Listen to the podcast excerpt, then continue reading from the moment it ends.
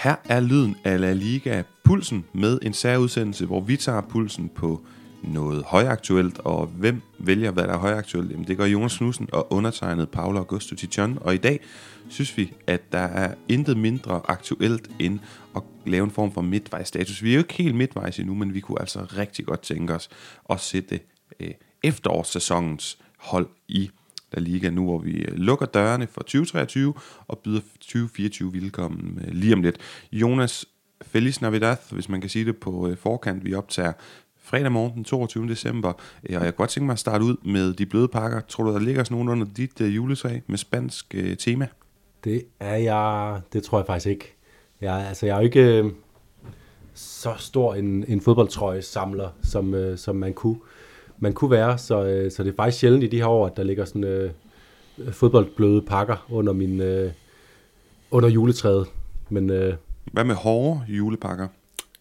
Det kunne da godt være øh, noget af, øh, jeg, jeg, jeg kan godt lide at læse om fodbold, øh, men lige sådan i, i stående, på stående fod her, så kan jeg faktisk ikke lige huske, hvad for nogle øh, ting, jeg har ønsket mig. Det er det her med at have øh, to små børn og en øh, travl hverdag. Så, øh, hvad jeg skrev til nogen i starten af december, det har jeg glemt nu, så jeg bliver overrasket. jeg bliver overrasket, når, når pakkerne bliver åbnet. Ja, jeg kender det godt. Det, øh, jeg kan så godt huske, hvad jeg har købt, eller hvad jeg har købt til andre selvfølgelig. Det sagde du heller ikke, du ikke øh, kunne, men det kan jeg, også det hvad jeg, jeg ønsker mig selv. Men øh, jeg har ikke sådan som udgangspunkt ønsket mig noget spansk. Øh, på et tidspunkt så tog øh, fanden ved mig, og så begyndte jeg sådan at opkøbe forskellige spanske fodboldklubbers trøjer. Men der er der stadig visse mangler i min trøjesamling. Og sådan lige umiddelbart, jeg kan prøve at lægge ud, så kan du supplere. Øh, hvis jeg måtte vælge en spansk fodboldtrøje, der skulle ligge under mit juletræ, så kunne det godt være sådan noget, jeg kan godt lide lidt hipsters choice, jeg kan godt finde på at gå med sådan noget som Girona med Daily Blind eller Miguel Gutierrez. Den vil jeg med være glad for. Hvor, øh, hvor, hvad vil du helst? Jamen nu er, nu er jeg jo begyndt at arbejde inde øh, på, på TV2 som, som nyhedstekster, og der sidder jeg på et kontor lige ud til sportsredaktionen, og hver gang jeg går ud til kaffeautomaten ind igennem sportsredaktionens lokaler, så hænger der altså en A-bar-trøje. Øh, en A-bar fra, trøje fra, fra nogle af deres gode år i, i La Liga, og øh, den synes jeg faktisk er rigtig, rigtig flot. Og så har jeg også engang øh, været på en køretur i, i Baskerlandet, hvor vi kørte, jeg tror vi kørte sådan lige 15 km udenom A-bar, men besøgte en by lige i nærheden, som, havde, øh, som, som lignede præcis sådan, som jeg forestillede mig, der også ville se ud i A-bar, og det var altså ren øh, ikke alpeidyl, fordi vi befandt os i, i Baskerlandet, men, øh, men bjergidyl på, øh, på den allersmukkeste måde. Så, så det kunne jeg måske godt øh, se mig selv i en A-bar-trøje i fremtiden. Ja, fornemt. Øh, så er den ligesom lagt ud til øh, vores kæreste og andre pårørende, der må lytte med, uden at vi skal sætte vores forventninger for højt. Og noget af det, vi to vi er mester på, det er jo sådan noget som spansk geografi. Er det ikke, er det ikke Pyrenæerne dernede, eller? Er det? Jo, det er det, men jeg er lidt i tvivl. På et eller andet tidspunkt overgår det også bare til nogle, øh, til nogle sådan, lo- mere lokale bjergkæder, som er sådan opstødende til pionererne. Men over en bred kamp er det vel pionererne. Fra, øh, nu prøver jeg at lave en af de der famøse overgange, øh, spansk geografi og bjerg, så øh, til, til noget mere spansk geografi, fordi vi skal jo i dag altså sætte det her efterårssæsonens hold, og vi satte det ud til en afstemning på Twitter, og den hed 21 stemmer, for vi skulle gøre det nu, 21 stemmer, for vi skulle gøre det i starten af januar, indtil at Jonas Hebo Goldman og Patrick Hofsonne, de lige nåede at stemme øh, et minut efter, at øh, afstemningen var lukket, og sagde, ved du hvad, gør det nu. Så det gør vi nu, og Jonas, øh, jeg kunne godt tænke mig at starte med, for det første kunne jeg godt tænke mig at lægge en præmis ned over det her, som hedder øh, Griezmann og øh, hvad hedder vores gode ven Jude Bellingham. De er selvfølgelig selvskrevne på det her hold, det kan vi komme lidt øh, tilbage til senere, formoder jeg. Men hvordan putter man dem ind i en opstilling på den mest retvisende måde? Jamen det, ved du hvad, det er det, jeg har brugt det meste af min vågne tid, øh, timer på, siden at øh, Hebo og, og Sonne, de satte os, øh, satte os øh, i gang med, at vi skulle, øh, skulle have afklaring her inden jul. Og øh, jeg er ikke sikker på, at jeg har fundet det rigtige svar, så jeg tænker, det er noget, vi, øh, vi bliver nødt til vi bliver nødt til at massere det frem, øh, os to sammen. Altså, jeg har, øh, jeg har hældt to kopper kaffe op i min termokop her, så jeg, øh, jeg har tid til, at vi, øh, at vi prøver at finde en løsning på det her.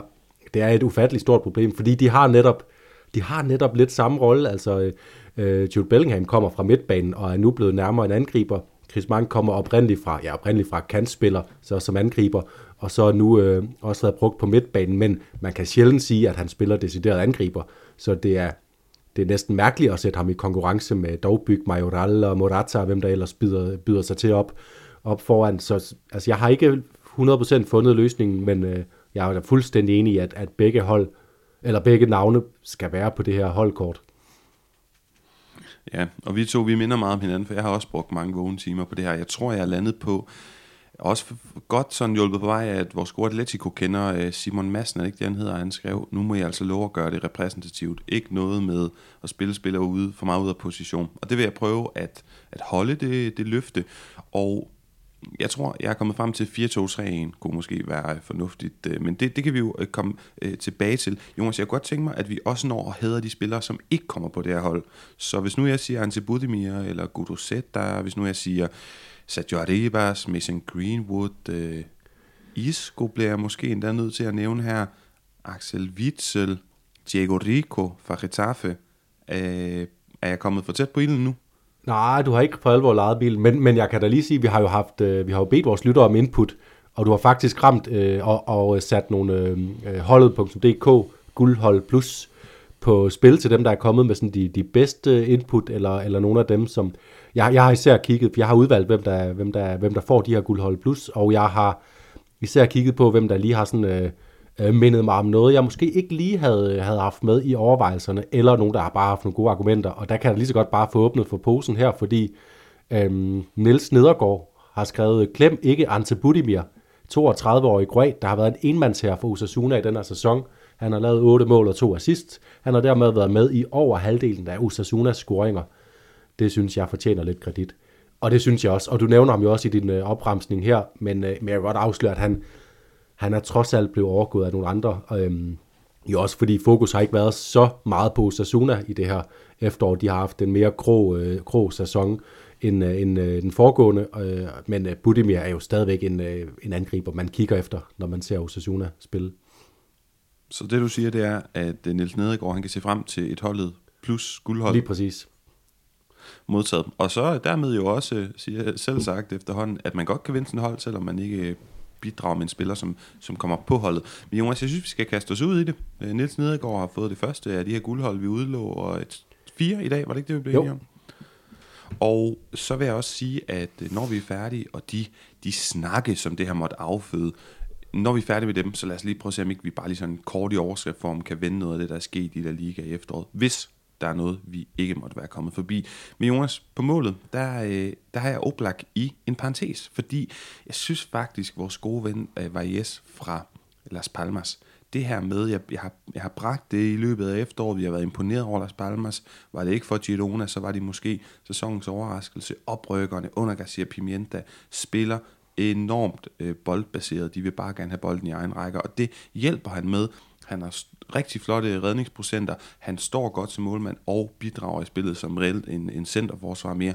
Og så, så, så må jeg bare sige, at den run, run, hvad hedder sådan noget på, på dansk, den snak, der sådan er i hjørnet nede i Spanien, det er, at han er på vej til en meget større adresse. Hans kontraktsituation er gunstig for ham og andre klubber, ikke for Las Palmas. Hold øje med ham. Jeg har ham øh, på mål. Hvem har du på mål? Jamen, øh, ham har jeg helt klart også øh, overvejet kraftigt. Jeg har også overvejet øh, Unai Simon, som jeg synes har haft øh, et af sine bedste efterår. Altså han har, han har ikke lavet nogen af de fejl, han nogle gange har, har haft for vane, og han har haft flere kampe, hvor han har, har simpelthen haft øh, et væld af, af kampafgørende redninger. Alex øh, Ramiro fra det baskiske kollega til, til Simon har jeg også hæftet mig ved, har haft øh, mange afgørende redninger, men, men har trods alt måske heller ikke øh, beskyttet holdet nok i nogle af de kampe, hvor de har fået uafgjort. Og så når vi lige til, du, du nævner øh, Oblak i, øh, i parentes. Det er der nemlig en anden, øh, for jeg, jeg havde ikke tænkt, jeg havde ikke for alvor tænkt over Oblak, øh, netop måske fordi han har nogle høje forventninger, og det er der også en af vores lyttere, der har bemærket, øh, nemlig Mark inde på Twitter. Øh, Oblak, han har spillet fremragende, især på, med tanke på den dårlige sæson sidste år. Måske er pladsen lidt billigere til salg, end den plejer. Og så nævner han jo også øh, Koke og Alex Garcia, men det kan vi komme tilbage til. Øh, er du enig i, at, at, at pladsen er sådan lidt billigere til salg? Jeg er fuldstændig enig, Jonas, i at den er lidt billigere til salg, fordi Thibaut Courtois har været skadet for mig den bedste målmand i verden de senere år. Og jeg tror heller ikke, vi skal undervurdere, at øh, i, altså, Mark Andreas Stegen har været skadet. Han var så god sidste sæson med de her mange clean sheets og den solide defensiv hos Barca. Han har været lidt skadet, og så har der været et Barcelona-hold, som rent, ja, på alle mulige punkter jo ikke har overbevist lige så meget som sidste sæson. Og så Jan Oblak øh, kan jeg godt gå med til, øh, er, en, er en god kandidat, er en af spidskandidaterne, men de tre har for mig i mange år været de der tre ambassadører for, hvorfor spansk fodbold også har kunne holde sig oven vande internationalt. Øh, selvfølgelig har Barcelona ikke været så gode de sidste par år internationalt, men vi har bare haft tre af de bedste fem målmænd i verden. Jeg, jeg er dog enig i den ability salg. Jeg er også enig i, at man skal give noget kærlighed og noget øh, øh, opmærksomhed, noget anerkendelse til de to baskiske målmænd, af Alex Ademiro og Unai Simon. Så ja, øh, billigt til salg. Du kan også sige det på en anden måde. Jeg er, jeg er klar til at forhandle her. Ja, men altså, jeg, jeg tror egentlig, det her med, at uh, Las Palmas kommer op, og så uh, formår de at, uh, at etablere sig på den her måde, og blandt andet jo, altså de har jo ikke scoret mange mål, så, så der er jo blevet lukket af nede bagved, og, uh, og der, der er ingen tvivl om, Alex Valles er den mest overraskende øh, af alle de her målmænd, og jeg, og jeg tror også bare, jeg vil stadigvæk gerne se øh, Oblak sætte lidt længere tid sammen, fordi han netop har været nede i den her bølgedal, og fordi forventningerne er så høje, så, så tillader jeg mig også at sætte øh, endnu større krav øh, til ham. Altså han skal være øh, han skal være top 3 i verdens bedste målmand. Han skal han er han er målmand på på Neuer Courtois øh, øh, niveau. Så så der skal han være og, øh, og, og det der er jeg måske ikke helt sikker på. Jeg er overbevist om at han er øh, lige nu. Så så derfor synes jeg godt at vi kan gemme, så kan vi gemme øh, Oblak, den endelige Oblak-vurdering til, til årets hold, når sæsonen er, er slut. Og så er det altså Alex Valles, der får øh, efterårets holdpladsen. Fornemt. Jamen, øh, tillykke til El Senor de Øh, I mit, øh, I mit forsvar, i min firebackkæde, der har jeg to, jeg synes, der er selvskrevet. De hedder Antonio Rydiger og Miguel Gutierrez, men jeg kan jo stille dig det samme spørgsmål. Har du nogen selvskrevne? Ja, øh, ja. Miguel øh, Gutierrez synes jeg er fuldstændig selvskreven. Jeg har kun noteret sådan en parentes Samolino som, øh, som et, en, øh, en alvorlig konkurrent til ham. Øh, men, men det er Miguel Gutierrez er uden tvivl øh, efterårets venstre bak. Jeg er lidt mere i tvivl inde i midten. Jeg har også noteret mig Rydiger, fordi selvom jeg øh, har haft min øh, har, har givet min kritik til ham øh, undervejs, så må man bare sige, at han har været øh, han har været ret solid i det her efterår og, og været det stabilt og fast. Øh, og nu nu sidder vi også her dagen efter Nacho fik øh, rødt kort som den sidste af hans gode venner dernede, og alligevel så holdt Rydiger øh, stand i, øh, oppe på Meditorosa med et, øh, med et hold i, i undertal i, i hele anden halvleg øh, med Chouameni nede ved siden af sig. Så, så Rydiger fortjener helt klart merit, men øh, jeg har altså også kigget på, øh, øh, på andre til den her centrale øh, stopperposition. Jamen det har jeg da også, Jonas. Jeg har kigget på Dali Blind og Robin Lenormand, som jeg synes for mig konkurrerer mest omkring pladsen ved siden af Antonio Rüdiger. Så jeg har også kigget lidt på Axel Witzel, og faktisk også på Danny Vivian, men jeg tror, at hvis du spørger mig, så er det Rüdiger, der selv selvskrevet, ved siden af skal Lenormand eller Daily Blind konkurrere. Og Daily Blind kommer vi faktisk selvfølgelig til et nyt øh, Twitter-indspark fra Andreas Wirtz Adamsen, som skriver, klem ikke Daily Blind, tredje flest afleveringer ind på banen sidste tredjedel efter Toni Kroos og Alex Garcia, næst flest progressive afleveringsmeter plat markspillere efter Flor- Florian Lejeune. Øhm, og det er, jo, det er jo netop det her, der gør, at jeg synes, Daley Plint er en, øh, en, en spidskandidat. Man kan så sige, at han har haft sine udfordringer, når han er blevet udfordret af, af hurtige offensivspillere den anden vej, men det, som han giver til det her Girona-hold, det er, det er helt unikt, og jo altså kulminerende i den her udkamp i Barcelona, hvor han slog den ene gode aflevering efter den anden frem i banen, og, og det var også især over i hans side, at de her fantastiske opspilsmønstre fandt sted, hvor de øh, snodede sig ud af Barcelonas øh, øh, aggressiv øh, brætspil.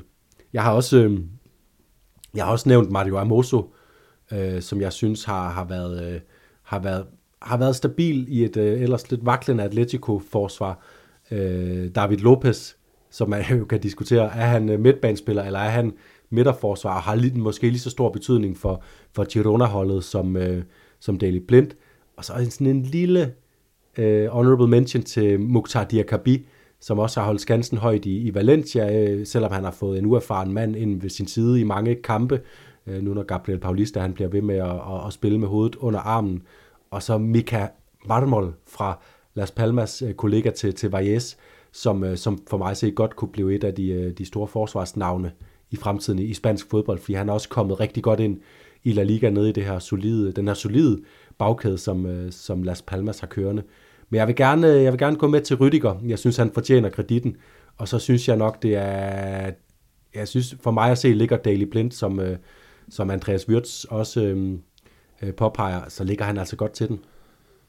Godt. Jamen, så synes jeg at vi skal, øh, vi skal sige Daily Blind over Antonio Rydiger, og så til venstre Miguel Gutierrez, fordi vi kan jo blive ved med at nævne gode præstationer hele dagen. Jeg synes også Diego Rico på venstre bakken med en, en god håndfuld assist hans navn i et overraskende godt præsterende Getafe-mandskab. Joao Cancelo har jo også vist kæmpe hår, altså tårnhøjt topniveau, men slet ikke været konsistent nok, hvad hedder sådan noget, konsekvent nok i, uh, i sine um, præstationer. så altså Miguel Gutierrez, Daily Blind, Antonio Rüdiger, og så havde jeg i lang tid, må jeg bare indrømme, Dani Cavaral som selvskrevet på højre bakken, indtil jeg begyndte at kigge mere og mere på Jan Couto ja. fra Girona, og han er altså en mere spektakulær fodboldspiller, det må jeg bare sige. Så den står mellem de to, og jeg tror, jeg har 51-49 i Jan Coutos øh, hvad hedder sådan noget favør. Han har selvfølgelig i en situation, nogle gange spiller han længere frem på banen, vingbak, højre midtbane, nogle gange har han Martine spillet, men vi skal altså huske, og det, det kommer jo også til, det er jeg ikke bange for, at vi glemmer, at kaste en masse kærlighed efter Girona på det her hold. Ej, og det, det kommer vi til, men jeg må alligevel sige, jeg har, jeg har, jeg har holdt lidt stedigt fast i Dani Cavaral, fordi nu siger, nu siger du, Jan øh, Kutsu, han, øh, han er mere spektakulær, men jeg synes jo, i lige netop det her efterår, der har Dani Cavaral været en af de mest spektakulære spillere i, i La Liga. Og, øhm, og Jan Kuto, han virker varmere lige nu, men det er også fordi Dani Cavaral har været ude øh, nu her lige det, det sidste stykke tid med en skade. Men indtil da, han har spillet fremragende. Han har scoret, han har lavet oplæg, han har, han har været en ekstra midtbanespiller på en måde, som, øh, som jeg ikke kan huske, jeg har set Dani Cavaral være tidligere, hvor han har været øh, fuldstændig essentiel for, for rytmet og flowet i, øh, i øh, Real Madrids øh, spil, især offensiv spil i den her højre side, hvor, hvor øh, Fede Valverde og Rodrigo og øh, ja, Luka Modric og, og, og Kamavinga, hvem der ellers de har ligget der, også har, har chippet ind, men Dani Cavaral har ligesom været motoren derovre, øh, hvilket måske tidligere ville have været øh, klokkeklart Fede Valverde, man ville pege på der. Det har altså været Cavaral, og det synes jeg tjener til kredit, og så, og så vil jeg gerne undgå at klemme ham, bare fordi han har været, har været ude lige på det sidste. Jamen, ved du hvad? Øh, den er købt, fordi jeg har set alle Real Madrids kampe, alle Atleticos kampe, alle Barcelonas kampe. Jeg har ikke set helt så mange Girona-kampe, så jeg, det er også lidt mere usikkert grundlag, jeg står på. Jeg synes, han er fantastisk spændende, den gode Jan Kauto, eller Couto, eller hvad vi skal kalde ham. Jeg er ikke øh, stærk på brasiliansk udtale, men øh, det synes jeg også lyder som fornuftigt, og netop Dani Carvajal, som der har været så mange spørgsmålstegn ved i så mange sæsoner, jamen at han både, som du siger, er blevet sådan øh, chefen ude på højre, altså han, han står nærmest for det hele ud til højre, Brahim Diaz nogle gange, og Rodrigo, der har været derude, men de, de er jo mere centrale, mere mellemrumspillere. Han har skulle stå for bredden, han har skulle stå for at være en vigtig brik i sådan det rent taktiske ud til højre, han har stået fremragende offensivt, stået fremragende defensivt, så jeg synes bare, at vi skal konsolidere de bagerste fem, altså Valles, Cavaral, Rydiger, Daily Blind, og så altså øh, Miguel Gutierrez. Og så midtbanen, jeg siger jo en 4-2-3, fordi hvis vi begynder at lægge Ojan Sanset, eller Isco, eller Bellingham, eller Griezmann ned i, i en 4-3-3 som 8, det er jo ikke, altså, det er ikke helt tro mod, hvordan de reelt øh, spiller, og hvorhen de spiller. Så jeg jeg er faktisk landet på en 4-2-3, og det gør, at øh, for mig er der ikke så meget konkurrence om El Doble Pivote. Jeg har kigget på Alex Garcia, jeg synes, der er selvskrevet, og så faktisk Michael Medino, fordi jeg ikke synes, at... Altså, jeg synes, de fleste spillere, øh, som jeg har imponeret mig, og hvor det bliver sværere, det er op på kantpositionerne og øh, som tiger. Det, det er faktisk... Øh, ja, det er til, til, til, til dels enig i. Altså, jeg, øh, Alex Garcia er, er måske en af dem, der har i virkeligheden imponeret mig allermest. Øhm, og jeg synes også, altså i virkeligheden, så vil jeg, øh, altså jeg, jeg synes faktisk, der er mange at nævne til den her pivot. Jeg har også nævnt Martin Subimendi, hvor du så har taget hans, øh, hans kollega Michael Merino, som jeg også er enig i, har haft et fuldstændig fremragende efterår. Øhm, jeg har bare stadigvæk lige det der horn i siden på det, altså Sociedad over deres, øh, at de burde have flere point for den indsats, de har, har leveret. Så er der Gavi, som har været øh, øh fuldstændig uforlignelig for Barcelona, og også øh, mere ligner en spiller til hele banen end, end en offensiv øh, tier-type.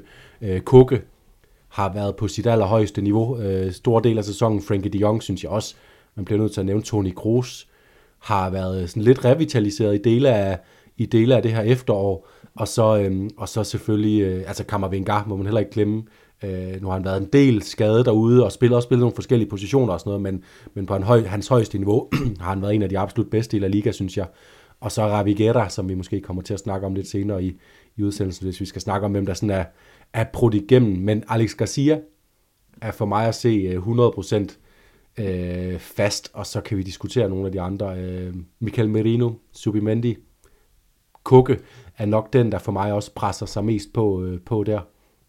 Og jeg siger ikke, at det argument, jeg kommer med nu, er et, øh, et nødvendigvis super, super vigtigt og godt og afgørende argument, men jeg bliver nok lidt, jeg bliver nok sådan en lille smule øh, træls i forhold til, at jeg gerne vil have i min fodboldopfattelse i en 4-2-3, så har du pasningsspilleren, dirigenten, ham med takstoppen, og så har du sådan lidt løberen ved siden af, og, der, og den mere dynamiske 8 som ligger nede på 6'eren ved siden af, af sin, øh, sin dirigent. Og der ser jeg bare Michael Medino, som jo netop øh, varetager den rolle ved siden af den mere øh, dirigerende mm, Martin Subimendi. Det er derfor, at jeg har gået med den der konstellation med Alex Garcia, Michael Merino. Men omvendt, jeg kan da også godt se, at det kunne være vanvittigt, at det kunne være ondskabsfuldt at ligge med to sekser, som er sådan nogle pasningsmaskiner, som for eksempel øh, Martin Subimendi og, og, øh, og Alex Garcia. Jeg er enig i, at de folk, du nævner, Frenkie de Jong, falder lidt på. Barcelona ikke har været så gode, han har været lidt skadet. Kroos starter sæsonen, som du siger, øh, ude. Det er jo Kammervingars plads. Kammervingar har været for skadet. Kroos kommer ind, har gjort det fornuftigt. Men jeg, jeg er i hvert fald mere på Alex Garcia, og også mere på Michael Medino, Martin Subimendi, måske også Koke endda. Ja, og ja, det er også sådan, det, det er næsten øh, efterhånden, som, som vi taler om det, Koke.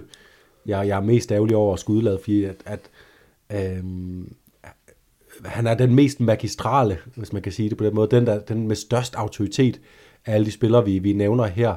Øhm, og øh, det her høje topniveau, Atletico har ramt, hvor de har kunne, øh, kunne dominere øh, Øh, kampe ved at besidde bolden, der har Kukke været, været fuldstændig, øh, ja, øh, øh pivotal, kan man sige det, øh, som pivote, øh, øh, fordi han har det her ro, uendelig ro, og også øh, altid er i gang med sådan at, at dirigere spillet de rigtige steder hen, så man undgår modstandernes presfælder. Øhm, han var også savnet i, øh, så vidt jeg husker, han var ikke med i, i udkamp mod Barcelona, var han det? Der var han skadet. Mm, jeg tro, som jeg husker, var han lige kommet tilbage fra en skade, og det kunne man se lidt på hans præstation. Ja, okay, men, men, men i, hvert fald, øh, i hvert fald der gik øh, Atletico netop i, i presfælder, øh, fordi Koke, ja, nu kan vi ikke lige huske, om han ikke var der, eller om han bare havde en af sine dårlige kampe, men når Koke han rammer sit allerhøjeste niveau, så, så, er han, øh, så er han lige nu den bedste midtbanespiller i La Liga, men Alex Garcia har været bedre der efterår, måske har Michael Merino også, også jeg, kan, jeg kan også godt godtage dit argument om at have en, en løber ved siden af, og så er den bedste konkurrent i virkeligheden Frankie de Jong eller Ravi Guerra, og der står Michael Merino, øh, der står Michael Merino ud. Ja, jeg synes også, det er svært at ignorere de internationale kampe, og der har han bare været fremragende, den gode Michael Merino. Har, øh, og han, han har jo kandideret til det her hold, øh, og også øh, hele sæsonens hold, et par år i streg efterhånden. Han gør det virkelig fremragende, så øh, hvis du kan købe den, så skal vi op til noget, som er endnu mere kompliceret, Jonas. Ja, og det, og det kan jeg også, fordi det, det, vi kunne jo lige pludselig risikere slet ikke at have en eneste Real Sociedad-spiller på, og selvom jeg er sur over, at de ikke er, at de ikke har hentet flere point, end de har, og selvom jeg også havde Hamadi Traoré i øvrigt som, som kandidat på højre bak, øh, så ville det være lidt, lidt ondskabsfuldt over for dem ikke at have en eneste med på, på det her efterårshold. Jamen, så vil jeg indlede øh, de forreste tre, nej, fire pladser bliver det jo, fordi vi gør en 4-2-3-1 med at sige, og en sunset, hvor har du været god. Isco, du har været fremragende. Antibudi Mia Guduseta, I har været så god. Rodrigo har været dårlig, og så har han været helt vanvittig god. Men det er ikke nok for mig. Det er Kubo, jeg ved det ikke helt, eller Savinho, eller Savio, eller hvad vi skal kalde ham. Arribas, Greenwood. Kæmpe, kæmpe ros til jer. Men I står ikke med fed skrift på mit års hold. Og øh, det er altså fordi, der er uhyggelig stor konkurrence, historisk god konkurrence på de her fire forreste pladser, som centralangriber, højre og venstre kant og tier. Hvad med dig, Jonas? Jamen lad mig da lige øh, her chip ind med, øh, med det sidste af de fire øh, Twitter-inputs, vi har fået fra vores, øh, vores gode lyttere, og dermed også den sidste, der vinder det her guldhold plus til holdet.dk's forårsspil La Liga, som starter 12. januar. Simon Madsen, vores gode Atletico-fan, som du vist allerede har øh, refereret til en gang i udsendelsen, får lige en, øh, en øh, benævnelse her igen, fordi han har skrevet, I må ikke klemme Nico Williams. Chris Mann er selvskrevet, og ham ved jeg, at I ikke glemmer. Tak for, for tilliden, Simon. Men Nico har været, været, været fremragende. Og så skriver han også lige parentes, og smid nu ikke folk på pladser, de ikke kan, kan spille. Um, så skal vi starte der. Altså, Nico Williams har jeg skrevet med fed, fordi jeg synes, han er... Øh, Udover Vinicius, så er han den bedste kantangriber, La Liga har lige nu. Øh, og Vinicius har, øh, har trods alt, han, hans skade kommer sådan lidt for tid, eller måske den kommer tidligt nok til at redde os fra, at vi skal diskutere, om det skal være Nico Williams eller, eller, eller Vinicius på den her plads. Um, så, så jeg har Nico Williams med stor fed skrift på venstre kantangriber. Helt enig med, altså lige forstår det rigtigt. Altså jeg har slet ikke skrevet Vinicius nogen steder. Jeg mener ikke, han er, han er i nærheden af det her hold. Øhm, nej, og det kan jeg godt følge dig i, men jeg synes stadigvæk, at han har været en af de bedste spillere i La Liga det her efterår, når han har, har spillet. Han har ikke, øh, han har bare, han har selvfølgelig også nogle ekstra forventninger tilknyttet sig, men, men jeg synes stadigvæk, når han har spillet, så har han, øh, så har han stadigvæk været, øh, så har han stadigvæk været uforlignelig. Så længe vi er enige om Nico Williams til venstre, og det er jo det, fordi det giver os jo plads til at spille, og nu ved jeg ikke, om Simon Madsen bliver sur, men det er jo en af hans egne drenge. Og kan man smide Griezmann til øh, højre? Ja. Jeg har, det, jeg har det faktisk svært med det, og det er også derfor, at den her, den her, øh, øh, den her kabale, den bliver så svær, fordi skal, skal jeg ikke lige prøve at sige, hvordan mine står lige nu? Jo, gør det. Altså, jeg har Jude Bellingham liggende øh, på den her fremskudte øh, foran øh, på midtbanen. Og som i virkeligheden også er den, hvor jeg synes, Antoine Griezmann, han, øh, han øh, kandiderer kraftigst til, så har jeg altså Bruder Williams, Iñaki Williams til højre, og så lige nu har jeg lagt Antoine Griezmann inde i midten som angriber, men, men jeg har det ikke godt med det, Paolo. Øh, så vi skal, finde, vi skal finde ud af et eller andet, fordi lige bag Antoine Griezmann har jeg også stående, altså netop øh, Dovbyg, Majoral, Morata, som alle tre, synes jeg, har gjort sig fortjent til, til en angriberplads, og samtidig er mere øh, ægte angriber, som den her opstilling, vi, vi prøver at kaste os ud i her, og også et eller andet sted kræver, især med, hvis vi har Williams øh, på den ene kant, øh, øh, og de her baks, der kommer med indlæg, altså vi skal have en og, og skyde efter den. Ja, jeg er enig, øh, og det, altså, jeg har også taget en, hvad hedder sådan en, jeg, altså, jeg har også taget en klassisk angriber, jeg har faktisk taget to, Majoral og Dovbyk, og jeg skal lige finde ud af, hvem af de to det bliver, men jeg vil sige, for at gøre det mest sådan troværdigt, mest realistisk, så vil man jo godt kunne i et taktisk setup sætte Griezmann som højre kant og lade ham komme ind. Dani Cavaral kommer af en eller anden grund i sin øh, start 30'er susende ud til højre. ja, det gør det, han det jo. Mener det gør godt. han jo. Ja, og, og Bellingham vil også kunne gå ind og tage nogle af de her rum. Nico Williams kan du også skubbe over til højre en gang imellem. Så det, det vil jeg personligt have det bedst med, og det er jo også fordi, når vi skal vælge en opstilling her, hvor er det, der har været flest ekstraordinære præstationer? Det er jo på de offensive positioner. Så kunne du sige, kunne man spille en 4-4-2 diamant, hvor Griezmann er en af de to angriber, og øh, med en større, for eksempel Dovbyg, og så har du Bellingham som, som tier. Ja, men så har vi så problemet med alle de ægte kandspillere, som vi ikke får med, og der synes jeg, Nico Williams er selvskrevet, og jeg synes, som du siger, Iñaki Williams fortjener kæmpe ros og anerkendelse. Men Griezmann har været den bedste spiller i 2023 La Liga, han har været den bedste spiller i det efterår, måske kun lige kort forbigået af, Bellingham, men det er de to, og for at få mest sådan reel plads til dem, samtidig med, at man kan, hvad hedder sådan noget, ja, samtidig med, at du får plads til at snakke om, og rose og anerkende, og stille op med mange af de her flotte offensive spillere, så synes jeg altså en 4-2-3-1, hvor at den gode Griezmann ligger som udgangspunkt ud til højre, men går ind i banen og skaber plads til de her overraskende overlaps fra Cavaral, det synes jeg lyder fair. Ja, og, og, så, og så er det jo også sådan en øh, øh, fleksibilitet. Nu, nu kan vi lade os inspirere lidt af, af den gode Ancelotti, som vi, øh, vi også lige kommer til at vende i dagens udsendelse. Jeg er sikker på, hvordan han har løst sine, øh, sine problemer. Nemlig at Nico Williams, han kan jo også, øh, han kan jo også dække store dele af, af halvdelen af venstre banehalvdel, og så med en angriber liggende tæt på sig, og så Chris Manda falder ned i nærheden af Bellingham, øh, modtager bolden op i mellemrum fra Garcia og Merino og Daley Blind for den sags skyld. Så øh, det, det kan jeg altså godt se resonemanget i, og den højre kant er så en, skal vi kalde den en messisk højre kant, inden at Messi endeligt overgik til bare at spille uden position. ja, det synes jeg da, det synes jeg da er helt oplagt. Og på den måde, Jonas, så lad mig lige prøve, nu har vi øh, resoneret, hvad hedder sådan noget, øh, rationaliseret os frem til. Vi har i hvert fald tænkt og snakket og diskuteret meget, og vi er ved at være færdige med holdet. Vi mangler lige, tror jeg, en enkelt position, men PT hedder den. Valles i målet, Cavaral som højre bak, Rydiger og Deli Blind i midten, og så Michael Gucciette som venstre bak. Vi har Alex Garcia, Michael Merino som doble pivot, så har vi Griezmann til højre, Nico Williams til venstre, Jude Bellingham, selvskrevet, som tieren. Og så er spørgsmålet, hvem der skal være angriber. Jeg har øh, rost og nævnt Gudusetta og Budimir, de er ikke nok for mig. Morata, der skal du komme med et stærkt argument, han har været fremragende, men jeg er altså mere imponeret over, hvad Borja Mayoral lige pludselig gør for et øh, overraskende retarforhold, skal vi ikke kalde det det, og så altså især Artem Dovbyk, som jeg, jo flere der ligesom får øjnene op for Girona, at det han laver, jo flere kan jeg ligesom også se, der, der skriver på de sociale medier, han var simpelthen decideret et flop i Superligaen, og det er ikke særlig lang tid siden, og det er selvfølgelig også vanvittigt imponerende. Så øh, for mig er det, er det primært, den ligger mellem Majoral og Dovbyk, Morata som en bronze. Morata synes jeg har været den mest øh, suveræne afslutter i, i La Liga, sådan rendyrket angriber afslutter. Øh, men, men jeg er enig, at han bliver overgået af især, synes jeg, altså Majoral fortjener alt kredit. Det, det, det er vanvittigt, den måde han har, har rejst sig og, og hjulpet med at rejse Retaffe til lige pludselig at være et, et hold, vi ikke behøver at snakke om som, øh, som øh, ren, ren destruction derby, men også et hold, der, der kan spille øh, der kan spille frem af banen, og har en mand, der kan score mål nok til, at de ikke heller behøver kun at fokusere på at, at, at lukke ned øh, bag til. Men, øh, men Artem Dovbyk, jeg synes, det har været øh, fuldstændig ufatteligt, ufatteligt at se, hvordan han er kommet ind.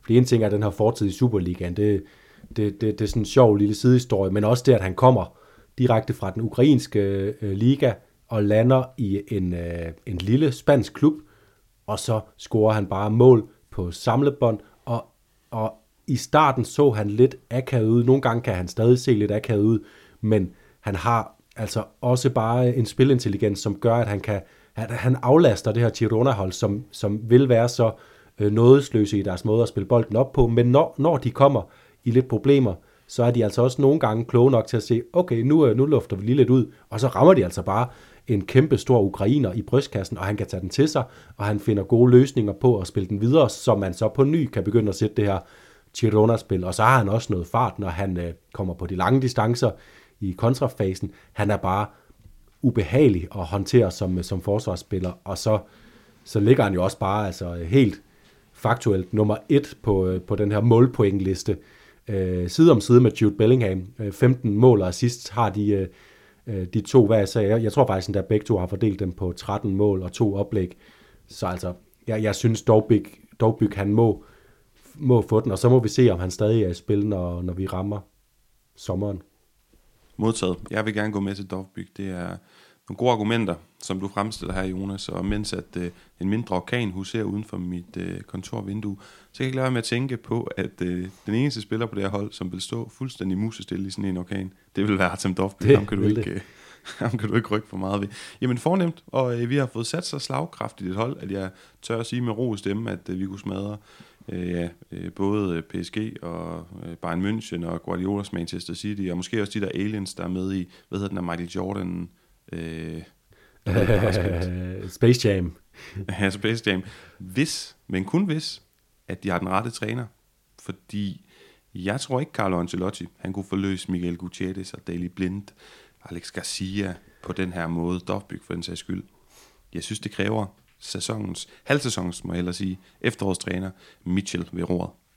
Ja, altså, der er virkelig gode bud på det, men det, det, det er umuligt at komme udenom Mitchell i den her Groen, det han har gjort med det her Girona-hold, øh, er imponerende, og også bare fordi, at, at man jo ligesom, øh, okay, det kan godt være, at, det er, at der er sådan lidt, lidt meget medvind på cykelstien i, at de lige ligger nummer, nummer et, eller, eller delt førsteplads med Real Madrid her, øh, inden julepausen, men det er jo et langt, det er jo, det er jo et sejt træk, han har taget. Det, er ikke, det kommer ikke ud af ingenting, at Girona er et fantastisk fodboldhold.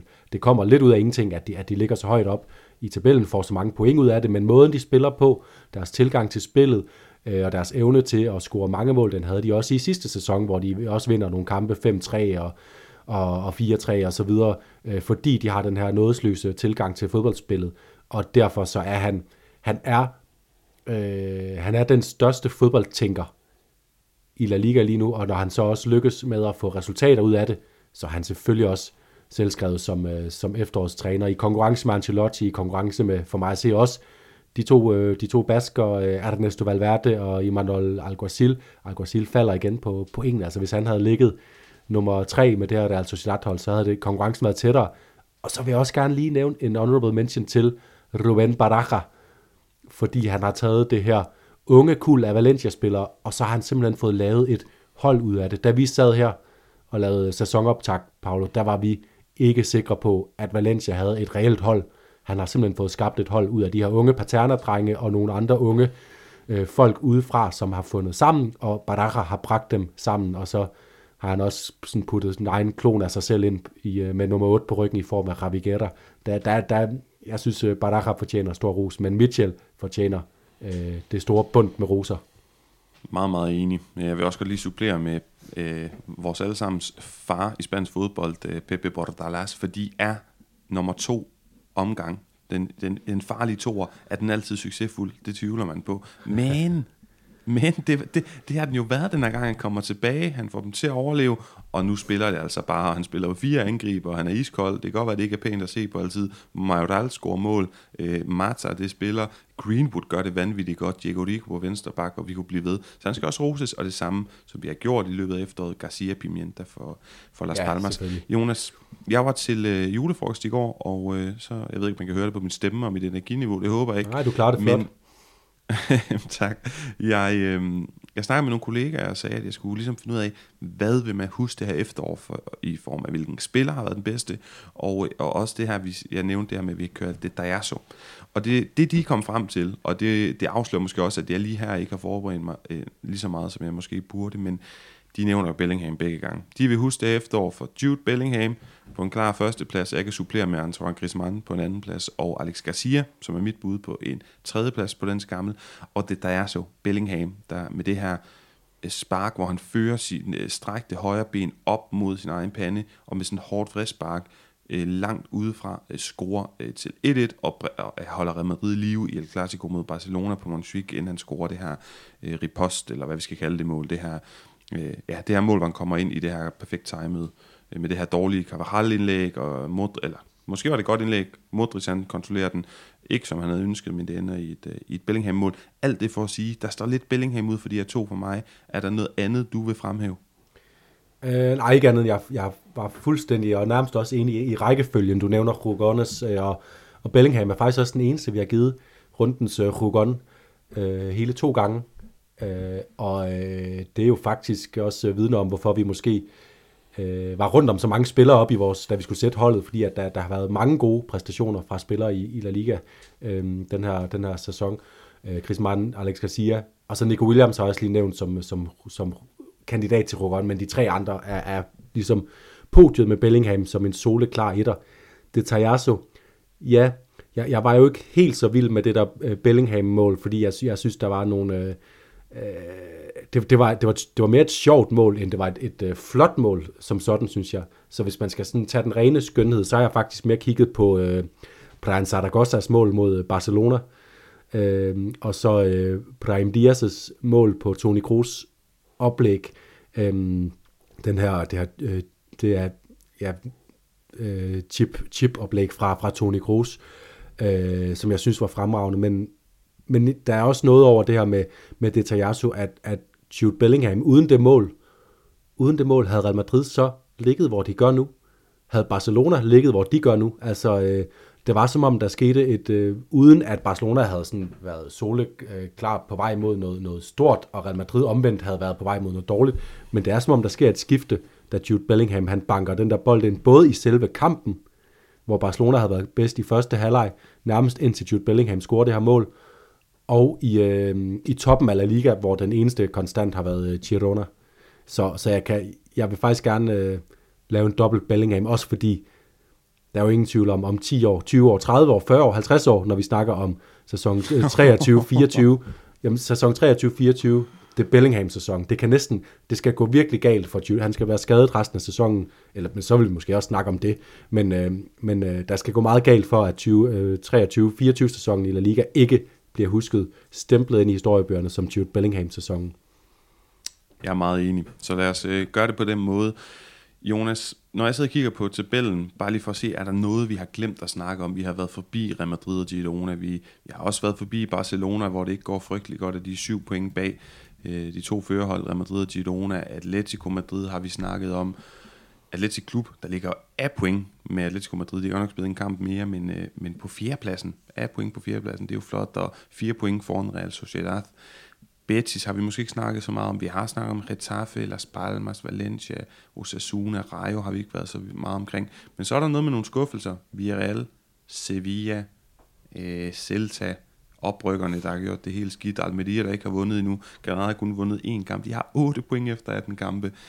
Er der noget, du, sådan, øh, du vil nå at nævne i overskriftsform, eller på den ene eller anden måde, inden vi, øh, inden vi begynder at runde af? Ej, jeg synes jo, Sevilla er den, er den store undergangshistorie. Øhm, Villarreal har, har mere haft sådan et, øh, et klassisk efterår, som bare en gang imellem kan ramme klubber, især klubber, der ligger og balancerer i den her subtop, hvor man falder lidt, hvor man træffer nogle forkerte beslutninger, øh, kommer skævt ud af transfervinduet, og så manifesterer der sig en usikkerhed i truppen, og man bliver ved med, med at rende og tabe lidt. Men nu klarede de sig så også mod, øh, mod Celta på hjemmebane, øh, fik den her sejr, som jeg jo havde ja, desværre forudset, at de ikke vil gøre. Det kan vi samle op igen, når vi har rundeudsendelse efter nytår, efter 19. spillerunde. Øhm, men, men de fik ligesom reddet sig lidt. Sevilla øh, har nu også altså selvfølgelig fået en sejr med Kike Sanchez Flores, øh, som allerede nu har flere sejre, end øh, Diego Alonso havde, men det er stadigvæk altså meget bekymrende at se, og jeg er ikke sikker på, at Sevilla de, øh, de er ikke fri af nedrykningsspøgelset endnu, selvom de har fået ny træner og starter med en sejr. Det var også ude mod, mod Granada, som du sagde, som ligger håbløst nede i bunden sammen med Almeria. Så Sevilla er for mig at se den helt store øhm, undergangshistorie. Øhm, også fordi hvis man så skulle pege på en anden, udover, altså vi har da alt, som jeg har været inde på, Celta Vigo, øh, så synes jeg også bare, at de har, de har haft øh, god gammel utur, hvor Sevilla ofte bare har været for dårlige i forhold til det spillermateriale, de har. Jeg er meget, meget enig. Ja. Øhm, jeg sidder og tænker på, at vi kan lukke ned på sådan en positiv note, fordi du siger jo selv mange flotte præstationer. Du siger også, eller det vi snakket om i rundegennemgangene, det går rigtig godt for spansk fodbold i forhold til at vi har scoret flere mål. Vi synes, det er mere underholdende. Vi har Girona-historien, men vi har altså også en fremragende oprykker i Las Palmas. Alaves, der ikke er for dårlig. Vi har Getafe, der er kommet tilbage. Vi har Real Sociedad og Athletic Klub, der spiller fantastisk. Der sker mange spændende ting i den spanske andedam, og det manifesterer sig ude i Europa, hvor at fire ud af fem Champions League deltagende spanske hold er videre og alle sammen på førstepladsen. Så kan vi ikke godt øh, runde 2023 af med, at, øh, at vi er meget positive på spansk fodbolds vegne. Vi har Griezmann, der har fundet tilbage og blevet en af de bedste spillere i verden i Atletico Madrid. Jude Bellingham, fænomenet, der er landet i spansk fodbold, der gør det godt. Og øh, jamen, jeg kan da fortsætte. Jeg kan da også godt snakke positivt om Barcelona, i hvert fald på det punkt, at de bliver ved med at producere unge talenter, som virker til at være morgendagens øh, store stjerner. Jeg synes, der er mange positive vind, der blæser over spansk fodbold. Ja, det er der, men, øh, men øh, jeg, jeg har også lige lyst til noget, noget malurt inden i øvrigt. Jeg skal lige nå at lave mit holdet DK anbefalinger, som, øh, som du lige får lov at kommentere på, hvor jeg lige anbefaler, hvem man kan, hvem man kan satse på til forårsspillet, hvis man vil sådan have nogle lidt langtidsholdbare spillere, der kan hente point i løbet af, af det forår, vi går i møde. Det er ufattelig spændende forår, vi går i møde, fordi både, som du siger, europæisk, altså jeg glæder mig helt ufatteligt til at følge de, de spanske klubber, som desværre har fået i Champions League nogle, nogle meget svære lodtrækninger, men jeg glæder mig så også bare til at se, om de kan leve op til deres, øh, til deres, deres gode efterår, især Real Sociedad, øh, som skal op imod PSG. Det er to kampe, jeg har øh, sætter kæmpe kryds ud for i, øh, det må være februar øh, 2024. Men jeg har lige lyst til sådan lidt malurt, fordi hvad, hvad skinner også i øjnene, når man, øh, når man, hvis man lige har siddet og hørt vores, øh, vores gennemgang af efterårshold.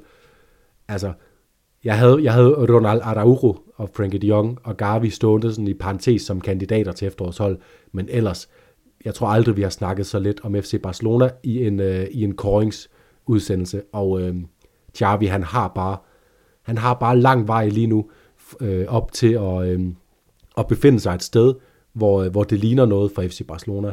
Og, øh, og jeg synes, at øh, han famler rundt, og han sådan rent... Øh, øh, altså, han har ikke noget at klage over med den trup, han har fået. Altså Barcelona har en bedre trup, end deres øh, økonomiske moras egentlig tilsiger dem at have, og han har, han har masser af materiale at arbejde med, og alligevel så, så formår han ikke at finde frem til, til det helt store, og, og endnu en gang slutter de året af med at være, være lige ved at give Almeria point øh, på, øh, på hjemmebane. Almeria, som ikke har vundet en kamp i deres første 17 forsøg, og så var lige ved at, at kunne gøre, det, gøre noget ved Barcelona i det, i det 18. forsøg. Der, der er bare lang vej nu, men, øh, men ellers er jeg enig, den øh, også en positiv note. Jeg synes, La Liga har været mere øh, forfriskende, underholdende. Spillet har været mere fremadrettet, jo måske i virkeligheden symboliseret overraskende nok men netop Retaffe, der spiller med fire angriber lige pludselig øh, end de seneste år, hvor der har været lidt for nedadgående med mål og offensiv, øh, og offensiv hold i La Liga. Det er som om, øh, nu er vi lidt tilbage, og jeg tror kun det kan blive forstærket af også, at øh, Mitchell får så stor succes med så våget en strategi, som, øh, som de øh, følger op i Girona lige nu. Ja, øh, det er svært at supplere, for du siger mange kloge ting. Øh, og jeg kigger tilbage på noget udsendelse nu og siger, jamen har vi glemt at snakke om Taki Huber, har vi glemt at snakke om, om Tygankov og alle mulige andre, og det har vi da helt sikkert, men øh, det er med med et øh, slagkraftigt mandskab, og der har været mange gode præstationer. Og du snakker om det her med Jude Bellingham, der afgør de her ting mod Barcelona. Jeg er jo helt enig i, at jeg tror ikke, tabellen havde set sådan ud, hvis ikke Jude Bellingham han havde sparket for 30 meter, og hvis ikke øh, han havde, var dukket op i, i overtiden af den fodboldkamp.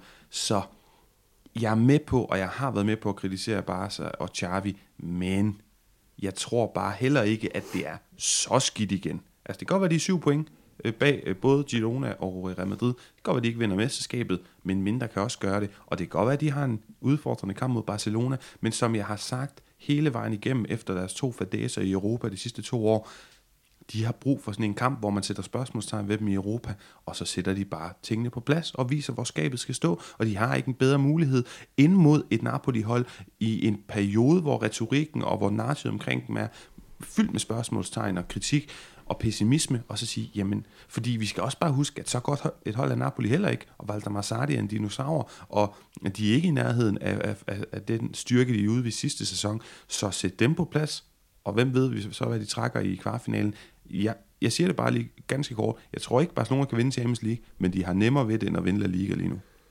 Ja, det, det tror jeg også, fordi syv point op til... Nu ved vi jo ikke, hvordan Gironas videre færd den kommer til at være. De kan jo øh, ramme en bølgedal, men, øh, men op til det Real Madrid-hold, som uanset hvad der rammer dem, øh, skader, karantæner, øh, kampe, hvor de kommer bagud, øh, uanset hvad der rammer dem, bare ser ud til at holde snuden lige i sporet. Øh, Øh, det, det er svært, men det er, jo, det, er jo, det er jo tankevækkende, at de trods alt kun er syv point efter Barcelona, når de har i så mange kampe været så dårlige. Men det er også fordi, de har vundet mange kampe, trods alt, hvor de har været dårlige. Altså tag bare den kamp mod øh, Celta Vigo, hvor de er på hælene bagud til, til 10 minutter før tid, og så på en måde, der kun sker for nærmest Barcelona og Real Madrid, så får de, øh, får de vendt det til sidst. Øhm, og jeg er meget enig i det, du, det, du siger med øh, den europæiske kamp, fordi jeg, jeg hæftede mig også ved, at jeg tror, snakken kommer til at gå op, på de her, op til de her kampe mod Napoli på, at Napoli har historisk gode muligheder for at slå, slå et af de helt store hold ud af en Champions League-turnering. Og jeg hæftede mig også ved, at da Champions League blev rundet af inde hos, øh, hos Viaplay, så stod øh, Preben Melkær og, og Grønborg og de, de andre gode øh, folk derinde, så stod de altså og snakkede om, at Barcelona kunne være en drømmelodtrækning for, for FC København. Og jeg kan godt forstå resonemanget, fordi Barcelona er så skrøbelige, som de er lige nu, og netop derfor har de også brug for, uanset om de så har trukket, øh, om de nu har trukket Napoli, eller om de har trukket FCK, så har de brug for at sætte noget på plads øh, i Champions League, for at øh, genetablere øh, det her billede, øh, det internationale fodboldsamfund har haft af dem, og som lige nu er, er falmende. Øh, det har de øh, i den grad brug for, især jo også med den øh, ja, brave kamp, de kæmper sammen med Real Madrid for at, at lave deres egen liga. Og vi har brug for så småt at runde af, øh, Jonas. Nu skal du øh, komme med dit øh, holdet DK-hold, dine anbefalinger, og med det skal vi have sætte den her podcast ud i æderen, sådan at vores lyttere, de alle sammen kan øh, få den sidste omgang spansk fodboldsnak ind i deres øregang, inden at det er juleaften, på juleaften, efter juleaften. Man bestemmer selv, hvornår man konsumerer det indhold. Men lad os lige prøve at høre, hvad du har kigget på til forårs managerspil. Ja, og så kan du få lov til at, at kommentere lidt undervejs, når du lige øh, lige finder noget. Og, og der skal jeg jo bare starte med at sige, at jeg har valgt at sætte Jude Bellingham på som den allerførste øh, på mit holdkort. Han er også den dyreste spiller i spillet, og det betyder, at øh, stort set alle de andre positioner, det bliver altså nogle gode sparetips til de øh, lyttere derude, der, der godt kan lide at spille, øh, spille managerspil på holdet.dk. Øh, Jude Bellingham, øh, jeg bliver bare nødt til at sige, jeg har, jeg har hele tiden sagt, næste gang, stop, nu stopper det, han scorer ikke mere. Men det, men det gør han, og nu siger jeg bare, nu, nu, nu dropper jeg alle forbehold og siger, det. nu fortsætter han bare. Så skal det nok passe. Øh, hvis jeg kender mig, min managerholdet held rigtigt, så, så er det nu, han stopper. Men, øh, men jeg, jeg bliver nødt til, med min, al min fornuft tilsiger mig at have ham.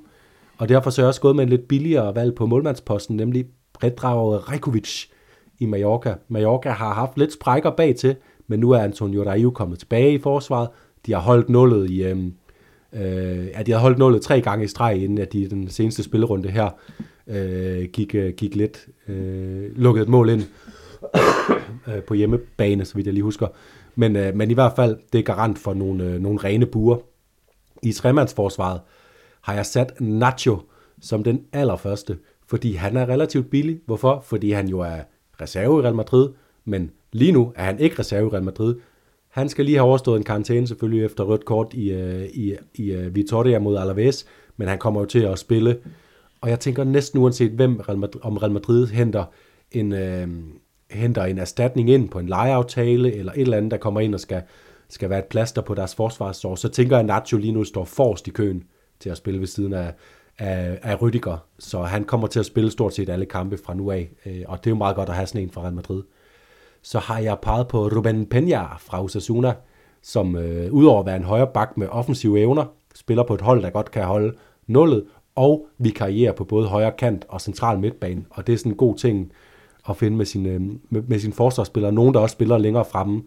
Derfor var Jan Kautu også fuldstændig selvskreven fra Girona. Koster kun 4 millioner. Det er måske det, det største øh, det største kup, man kan gøre sig, selvom det var lidt øh, øh, Sofies valg for mig at skulle vælge, vælge nogle spillere fra Girona, fordi man har lidt lyst til at vælge dem alle sammen lige nu. Øh, havde du gjort noget anderledes? Nej, jeg sidder og tænker, at øh, jeg kan godt lide, rigtig godt lide din valg indtil videre. Jeg synes, de er rigtig velbegrundet, så jeg lytter spændt videre. Ja, så, så er jeg mere spændt på, hvad du siger, når jeg kommer op på midtbanen. Fordi udover Jude Bellingham, som jeg har nævnt, så har jeg Ravigera, den unge midtbanespiller, der løber med øh, Barajas gamle nummer. Og det har jeg, fordi han er, han er ufattelig billig. Valencia er bedre, end vi havde regnet med, og han er netop en spiller, der kan komme øh, dækker hele banen, også kommer i feltet, har et øh, overblik til at lave oplæg, og også kan komme i feltet selv og score, og har også vist sine, sine evner med, med langskud. Og så en, som jeg tænker, at du kommer til at nikke lidt, øh, eller knipse lidt anerkendende af, Luis Mia. Uh, fordi Den jeg sad og ventede ja. på, kommer der et eller andet Getafe eller Las Palmas inspireret? Det gjorde det så. Der kommer lidt Getafe inspireret her. Den tidligere Granada-spiller Luis Mia, sådan altid midtbanespiller. Han koster 2,5 millioner i spillet, og det gør han, fordi han ikke har spillet så meget i efteråret, men det har han ikke, fordi han startede sæsonen med at være skadet. Til gengæld her i december, hvor Getafe også for alvor er plomstret rent spillemæssigt, så har Luis Mia været med, og jeg tror også, at Bordalas øh, kommer til at, at sætte sin lid til ham, fordi han er netop altid, han kan styre spillet, men han har også øh, løb, øh, den her løbevillighed, evnen til at arbejde over hele banen, og går sikkert også øh, gerne med til at lave nogle af Bordalas øh, yndlingssvinestreger øh, her og der, når det bliver nødvendigt. Og så den største kanin ud af hatten på mit hold, Nabil Fekir. Han, øh, han er billig, fordi han har været skadet. Han kommer tilbage. Han var lige kort tilbage, og så fik han et setback. Men øh, bulletinerne er, at han egentlig er klar til at, var klar til at spille i den her spillerunde, hvor Betis tog øh, imod Girona på hjemmebane. Men man sparer ham lige, fordi der kommer en julepause, det er opportunt, så kan han være 100% klar, når vi rammer det nye år, og så kan han komme ind og spille sammen med Isco, øhm, og det kan jeg ikke se andet end, at det, det bliver godt. Øhm, så Nabil Fekir, en billig verdensklassespiller, det, øh, det bliver man nødt til at, at satse på. Og ja, jeg ved godt, det kan være, øh, knæet ikke holder osv., men øh, det er en chance, man må tage, når man gerne vil have Jude Bellingham. Jeg synes, det er, det, det er meget, meget spændende. Det vil jeg huske at følge med i og holde op på. Men, og det er jo kun anbefalinger og så videre, men jeg tror altså, at øh, Pellegrini han er blevet for glad for spillere som ja, Asan Diao øh, og Luis Enrique, der ikke har spillet så godt. Men det der med at have mere udfordrende, hurtige kantspillere, kan, kan de to gamle magikere derinde virkelig, øh, være kompatible sammen på sådan... Men det kan selvfølgelig godt være, at han laver midtbanekonstellationen om, eller sådan et eller andet. Ja, og Pellegrini har lovet det, for han har, han har i tale sat det. Han er blevet spurgt, kan Isco og Fekir spille sammen? Og så sagde Pellegrini, Isco, fantastisk fodboldspiller. Fekir, fantastisk fodboldspiller. Selvfølgelig kan de spille sammen. Jeg er enig, det er, det er svært, fordi han bliver nok nødt til at ofre en af de hurtige kanter, men øh, han bliver nødt til at finde ud af det. Ja, det er jeg da enig med dig i. Jonas, var det øh, holdet? Det var lige, vi mangler lige angriberpladserne, og der øh, kan jeg gøre det rimelig kort med, med to af dem. Nico Williams, øh, brormand tager til African kan Cup of Nations, så i øh, januar, i hvert fald måske også lidt af starten af februar, sådan noget, der er det Nico Williams, der skal, øh, der skal være den, øh, den hurtige trussel for, for øh, Athletic Club, men øh, det er jeg også sikker på, at han kan leve op til, og fortsætter bare sin kurve, øh, hvor han for mig ser en af de bedste, som jeg har sagt, kantangriber i, i La Liga. Og så Samu Omorodion i Deportivo Alaves. Ret billig. Han indtager en øh, 11. plads i expected goals øhm, øh, øh, statistikken i La Liga. Han har, han har kun scoret fem mål i efteråret. Det er blandt andet, fordi han stadig laver nogle kæmpe afbrænder. Men han er en kæmpe mundfuld for, for modstanderforsvar. Og en ung mand, der er kommet ind. Jeg er sikker på, at han scorer mere end fem mål i, øh, i foråret, og viser os, hvorfor Atletico skyndte sig at købe ham i sommer, fordi han kommer til chancerne. Han skal bare lige have, have det sidste mentale spil med i afslutningsøjeblikkene med, og det kan man godt forvente, en ung mand, han ret hurtigt kan få, få styr på. Så store forventninger til ham. Og så Brahim Diaz til 5 millioner. En øh, Real Madrid-spiller, som kommer til at få meget spilletid. Real Madrid har mange skader. De har den her øh, fleksibilitet i angrebsspillet, hvor jeg er sikker på, at med det niveau, han har vist her til sidst i december, hvor han har overbevist mig om, at han er Real Madrid-spiller, så kommer han også til at, øh, at spille en vigtig rolle i, i foråret. Også fordi vi, vi skal huske, at når vi rammer foråret i Real Madrid, så er der notorisk mere plads til spilletid til spillerne fra andet geled i, øh, i La Liga-kampe, fordi øh, så, så, øh, så bred er Real Madrids trup heller ikke, og vi ved jo godt, at Real Madrid kan lide at spille deres, øh, deres Champions League-hold med Once de, de Gala selvfølgelig. Øh, så øh, Prime Dias sidste, sidste bud herfra. Det synes jeg lyder meget, meget fornuftigt. Øh, jeg skulle til at sige, at yes, ja, Vinicius kommer tilbage, men du har jo ret, og man skal passe på med skader og så videre, så må ikke han får en, øh, en masse spilletid. Og så vil jeg lige sige øh, selvfølgelig tillykke til, øh, skal jeg lige op og finde navnene igen, til øh, Andreas Wirtz Adamsen, Simon Bassen, Niels Nedergaard og Mark, som får tilsendt en øh, kode til et guld plushold på holdet.dk, fordi de øh, kom med så øh, kyndig input, blandt mange køndige input. Tusind tak til vores øh, lyttere, som nogle gange er, er lige så kloge, hvis ikke klogere øh, end os. Så, så tak for det. Og husk jo, at man stadig kan gå ind og støtte os på tier.dk-lyden af La Liga. Ja, jeg er meget enig, Jonas, og jeg vil supplere med at sige tusind tak til alle, der har lyttet med i 2023. Vi fortsætter ufortrødent i 2024. Meget mere indhold om spansk fodbold. Tak til jer, der er øh, donatorer på tier.dk. Der er plads til mange flere. Tak til folk, der har købt det her brætspil Pondit.dk, hvor der også falder lidt af til os. Og øh, tusind tak for at øh, byde ind, være med i den her podcast. I skal være mere end velkommen til at fortsætte, og også øge engagementet på alle muligheder kanter. Vi elsker at høre fra jer, og det er vi altså øh, rigtig glade for, at I fortsat gør.